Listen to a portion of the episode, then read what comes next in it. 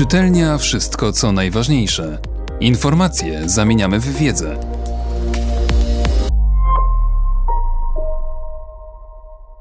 Tomasz Kycia Kontrowersje między słowiańskim papieżem a niemieckimi biskupami długo nie chciały się skończyć. Stosunek Niemców do Ojca Świętego Jana Pawła II jest jak relacja krnąbrnych dzieci do niezbyt lubianego ojca. Większość Niemców docenia jego decydujący polityczny wkład w upadek komunizmu i zjednoczenie Europy, ale zaczyna się denerwować pytana o jego nauczanie. Według opublikowanych badań pracowni analiz społecznych INSA Konsulere dla zaledwie 6% Niemców nauczanie i osoba Jana Pawła II mają znaczenie w ich własnym życiu duchowym. Dlatego omawiając wzajemny stosunek Niemców i Jana Pawła II należy rozróżnić kilka płaszczyzn. Inaczej sytuacja wygląda wśród samych katolików, choć i tu mamy do czynienia z szeroką gamą emocji, od fascynacji i miłości do zniechęcenia i nienawiści. Inaczej rzecz ma się w szeroko pojętym wielokulturowym społeczeństwie niemieckim, a jeszcze inaczej obraz Jana Pawła II przedstawiany jest w niemieckich mediach.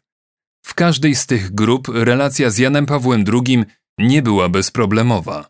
Chciałbym się jednak skupić głównie na relacjach wewnątrzkościelnych i ekumenicznych. Zanim Karol Wojtyła zobaczył Niemcy, w bolesny sposób poznał Niemców. Miał 19 lat, kiedy wybuchła II wojna światowa, a Kraków, w którym studiował polonistykę, zajął hitlerowski okupant. Bezpośrednie doświadczenie wojennej zbrodni nie zniechęciło jednak Karola Wojtyły ani do narodu niemieckiego, ani do jego języka. Doskonale widział różnicę między bestialską ideologią a samym człowiekiem. Niemieckiego uczył się już w domu rodzinnym, szlifował go wśród niemieckojęzycznych kolegów na studiach w Rzymie 1946-1948, aż wreszcie sam na potrzeby swojej habilitacji zajął się tłumaczeniem tekstów fenomenologów – Edmunda Husserla i Maxa Schellera. To właśnie personalistyczna filozofia Karola Wojtyły, a konkretnie jego etyka stała się później najmniej docenionym przez Kościół w Niemczech obszarem, a jego teologia ciała do dziś jest niewypowiedzianym głośno wyrzutem sumienia niemieckich biskupów. Kiedy w 1960 roku ksiądz dr Karol Wojtyła Opublikował książkę Miłość i Odpowiedzialność, stwarzając tym samym rewolucyjną propozycję etyki małżeńskiej, był jeszcze wśród niemieckich katolików mało znany.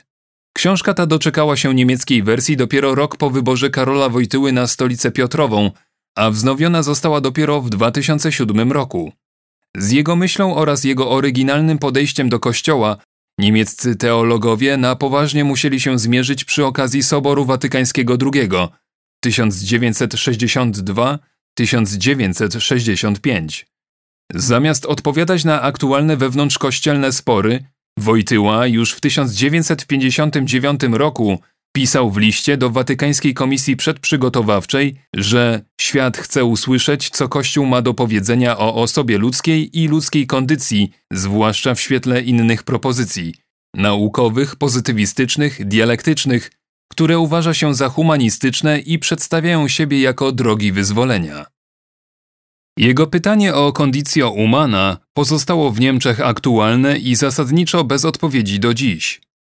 Pracując aktywnie przy powstawaniu soborowej Konstytucji Duszpasterskiej o Kościele w świecie współczesnym Gaudium et Spes oraz przy Deklaracji o wolności religijnej Dignitis Humanae Wojtyła dał się poznać również niemieckojęzycznym teologom, w tym kolońskiemu kardynałowi Józefowi Frinksowi i jego asystentowi, księdzu profesorowi Józefowi Ratzingerowi. Ale dopiero burzliwa interpretacja Soboru Watykańskiego II połączyła Wojtyłę i Ratzingera.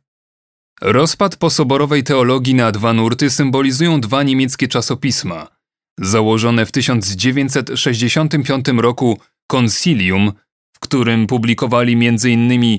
Edward Schillebeck i Yves Konga, a także Hans Kühn, Karl Rahner i Johann Baptist Metz. Było przystanią dla teologii daleko idących reformatorów. Siedem lat później Hans Urs von Balthasar, Józef Ratzinger, Karl Liemann i kilku innych naukowców założyło periodyk Komunio, który miał być teologiczną odpowiedzią na propozycję concilium. To właśnie z tego środowiska Jan Paweł II upatrzył sobie prefekta Kongregacji Nauki Wiary. Józef Ratzinger był bowiem dla niego uosobieniem teologa rozwoju, choć zgodnego z Soborem, co później sam Ratzinger już jako Benedykt XVI nazwał hermeneutyką ciągłości. Jak twierdzi papieski biograf, Jan Paweł II nie mianował prefektem Kongregacji Nauki Wiary, mediewisty czy uczonego patrologa. Mianował teologa głęboko i krytycznie zaangażowanego we współczesną filozofię i teologię ekumeniczną. Poza dyskursem filozoficzno-teologicznym warto odnotować, że arcybiskup Karol Wojtyła był jednym z sygnatariuszy słynnego orędzia polskich biskupów do biskupów niemieckich z 1965 roku, w którym padło słynne zdanie Przepraszamy i prosimy o przebaczenie.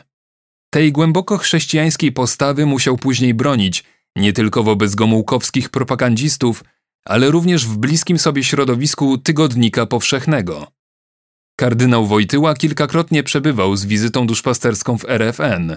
W 1974 roku wspólnie z kardynałem Monachium Juliuszem Dupfnerem odprawił nabożeństwo pojednania w byłym obozie koncentracyjnym Dachau. Rok później w Erfurcie, podczas jesiennej pielgrzymki diecezjalnej, był pod wrażeniem kazania maryjnego wygłoszonego przez ówczesnego biskupa pomocniczego Joachima Meissnera, a w Tybindze zachwycił go profesor teologii Walter Kasper.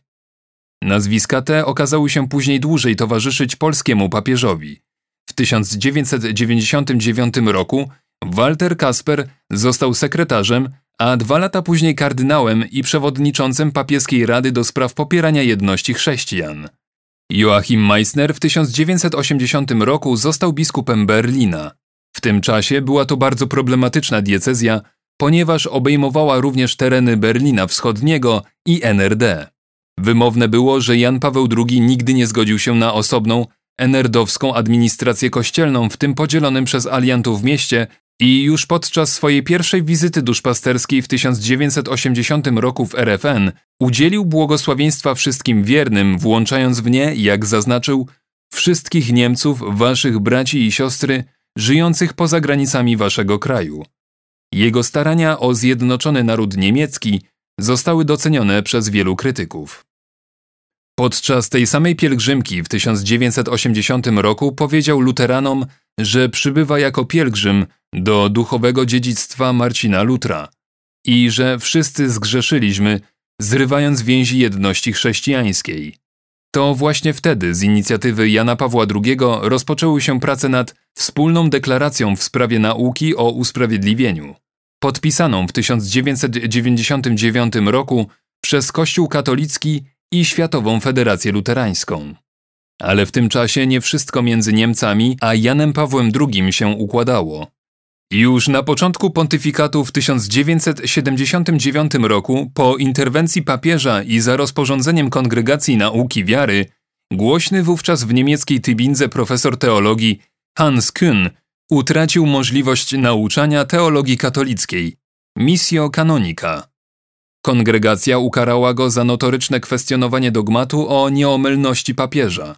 I choć negatywny akord początku pontyfikatu wydawał się zderzeniem liberalnego teologa z konserwatywnym polskim papieżem, to jednak problemy z doktryną i kongregacją Hans Kühn miał już od co najmniej 10 lat, a papież z Polski jedynie zakończył ten proces. W 1988 roku po śmierci kardynała Hufnera Jan Paweł II mianował ordynariuszem kolonii kardynała Joachima Meissnera. Jego przejście z Berlina do kolonii poprzedzone było jednak ponadrocznym kryzysem wewnątrzkościelnym. Po tym, jak kapituła archidiecezjalna w kolonii nie mogła się zdecydować na żadnego z trzech kandydatów proponowanych przez Stolicę Apostolską, papież zmienił prawo wyborcze, a kardynał Meissner przegłosowany został zwykłą większością głosów. Precedens ten wywołał w Niemczech lawinę krytyki – 220 profesorów teologii podpisało deklarację kolońską, w której krytykowali Jana Pawła II za ubezwłasnowolnienie lokalnego kościoła i świata nauki. Sześć lat później doszło do kolejnych protestów katolickich organizacji i niemieckojęzycznych teologów. Powodem był list apostolski Jana Pawła II Ordinatio Sacerdotalis z 1994 roku, w którym papież jednoznacznie zamknął dyskusję wokół możliwości udzielania sakramentu kapłaństwa kobietom. Ustami ówczesnej przewodniczącej Rity Waszbusz. W Austrii powstał ruch referendum kościelne. Domagano się daleko idących reform, szczególnie w etyce seksualnej oraz dopuszczenia kobiet do święceń kapłańskich. Zasadniczo protesty te w Niemczech nie ustały do dziś, przybierając nowe formy, jak na przykład oddolny ruch Maria 2.0. W takiej atmosferze napięcia odbyła się trzecia pielgrzymka duszpasterska Jana Pawła II do Zjednoczonych Niemiec w 1996 roku, kiedy przekraczał bramę brandenburską wolnego Berlina. Do konfliktu wokół Ordinatio Sacerdotalis doszedł spór o komunię dla osób rozwiedzionych żyjących w ponownych związkach cywilnych. W 1993 roku biskupi Karl Liman, Oskar Zajer i Walter Kasper napisali list duszpasterski, w którym sugerowali możliwość przystąpienia do Komunii Świętej osób rozwiedzionych. Szybko jednak zostali upomnieni przez kardynała Ratzingera, prefekta Kongregacji Nauki Wiary, że nie w pełni przestrzegają nauki Kościoła, a w 1994 roku kongregacja ta wystosowała list w tej sprawie do całego Kościoła powszechnego. Takie postępowanie znów spotkało się z głośnym protestem wielu niemieckich teologów. Dlatego w 1996 roku Jan Paweł II mówił Niemcom: Nie pozwólcie, by burza i morze rzuciły was w odmęty zniechęcenia i rezygnacji. Bądźcie zjednoczeni w nadziei i umacniajcie się we wspólnej wierze. Miejcie w pamięci długą historię wiary chrześcijańskiej w waszym kraju. Nie pozwólcie, by ta wiara stała się słabsza i wątlejsza. Ale kontrowersje między słowiańskim papieżem a niemieckimi biskupami nie chciały się skończyć. W 1999 roku Jan Paweł II wymusił na nich odejście od praktyki wydawania zaświadczeń umożliwiających przeprowadzenie aborcji. Do tej pory katolickie poradnie zgodnie z prawem wydawały kobietom w ciąży zaświadczenia zasięgnięcia porady. Taki dokument kobiety mogły wykorzystać do przeprowadzenia legalnej aborcji. Jan Paweł II nakazał wycofanie się z tego systemu poradnictwa, argumentując, że Kościół nie może uczestniczyć w procederze zabijania. Tymczasem wielu biskupów było przekonanych, że jeśli katolickie poradnie przestaną wydawać zaświadczenia o zasięgnięciu porady, utracą w ten sposób możliwość przekonania kobiet do urodzenia dziecka. Część katolików świeckich założyła wtedy pozakościelną organizację Donum Vitae, a biskup Limburga Franz Kamphaus wycofał się z zakazanego poradnictwa dopiero w 2002 roku. Nieustanne napięcie między Janem Pawłem II a niemieckimi biskupami i teologami znajduje swoje odbicie także dzisiaj, w setną rocznicę urodzin Karola Wojtyły. W krótkim jubileuszowym dokumencie niemieccy biskupi przypominają wpierw o politycznych i społecznych zasługach papieża, doceniając jego wkład w upadek komunizmu i zjednoczenie Europy. Następnie doceniają jego dialog międzyreligijny. Przewodniczący niemieckiego episkopatu, biskup Georg Betzing, przypomina, że Jan Paweł II w niektórych kwestiach doktrynalnych nie był gotowy do kompromisów. Terminy takie jak kultura śmierci czy teologia ciała wskazują na to, co było dla niego ważne. Jego wpływy wciąż się nie wyczerpały. Tyle, że z wyjątkiem zaledwie kilku niemieckich biskupów, nikt nie promuje tej oryginalnej myśli papieskiej dotyczącej małżeństwa. Kościół w Niemczech wciąż nie dostrzegł w niej ważnej propozycji dla swojej młodzieży, zmagającej się z wyzwaniami moralnymi wyzwolonego społeczeństwa. Być może opór spowodowany jest odwiecznym antyrzymskim resentymentem, jak go kiedyś nazwał teolog Hans Urs von Balthasar. W końcu Niemcy to kraj reformacji. Autor jednej z najciekawszych niemieckich biografii Jana Pawła II, ewangelicki publicysta Jan Ross, stwierdził, że Jan Paweł II dla Niemców był ważny jako kontrapunkt, jako ktoś, kto prowokuje do myślenia. Niemcy są krajem, który ma problemy z ludźmi argumentującymi wyraźnie. To jest dobre, a to złe. Niemcy nie lubią ludzi operujących wyraźnymi, bezkompromisowymi moralnymi pojęciami. Wojtyła nazywał po imieniu dobro i zło.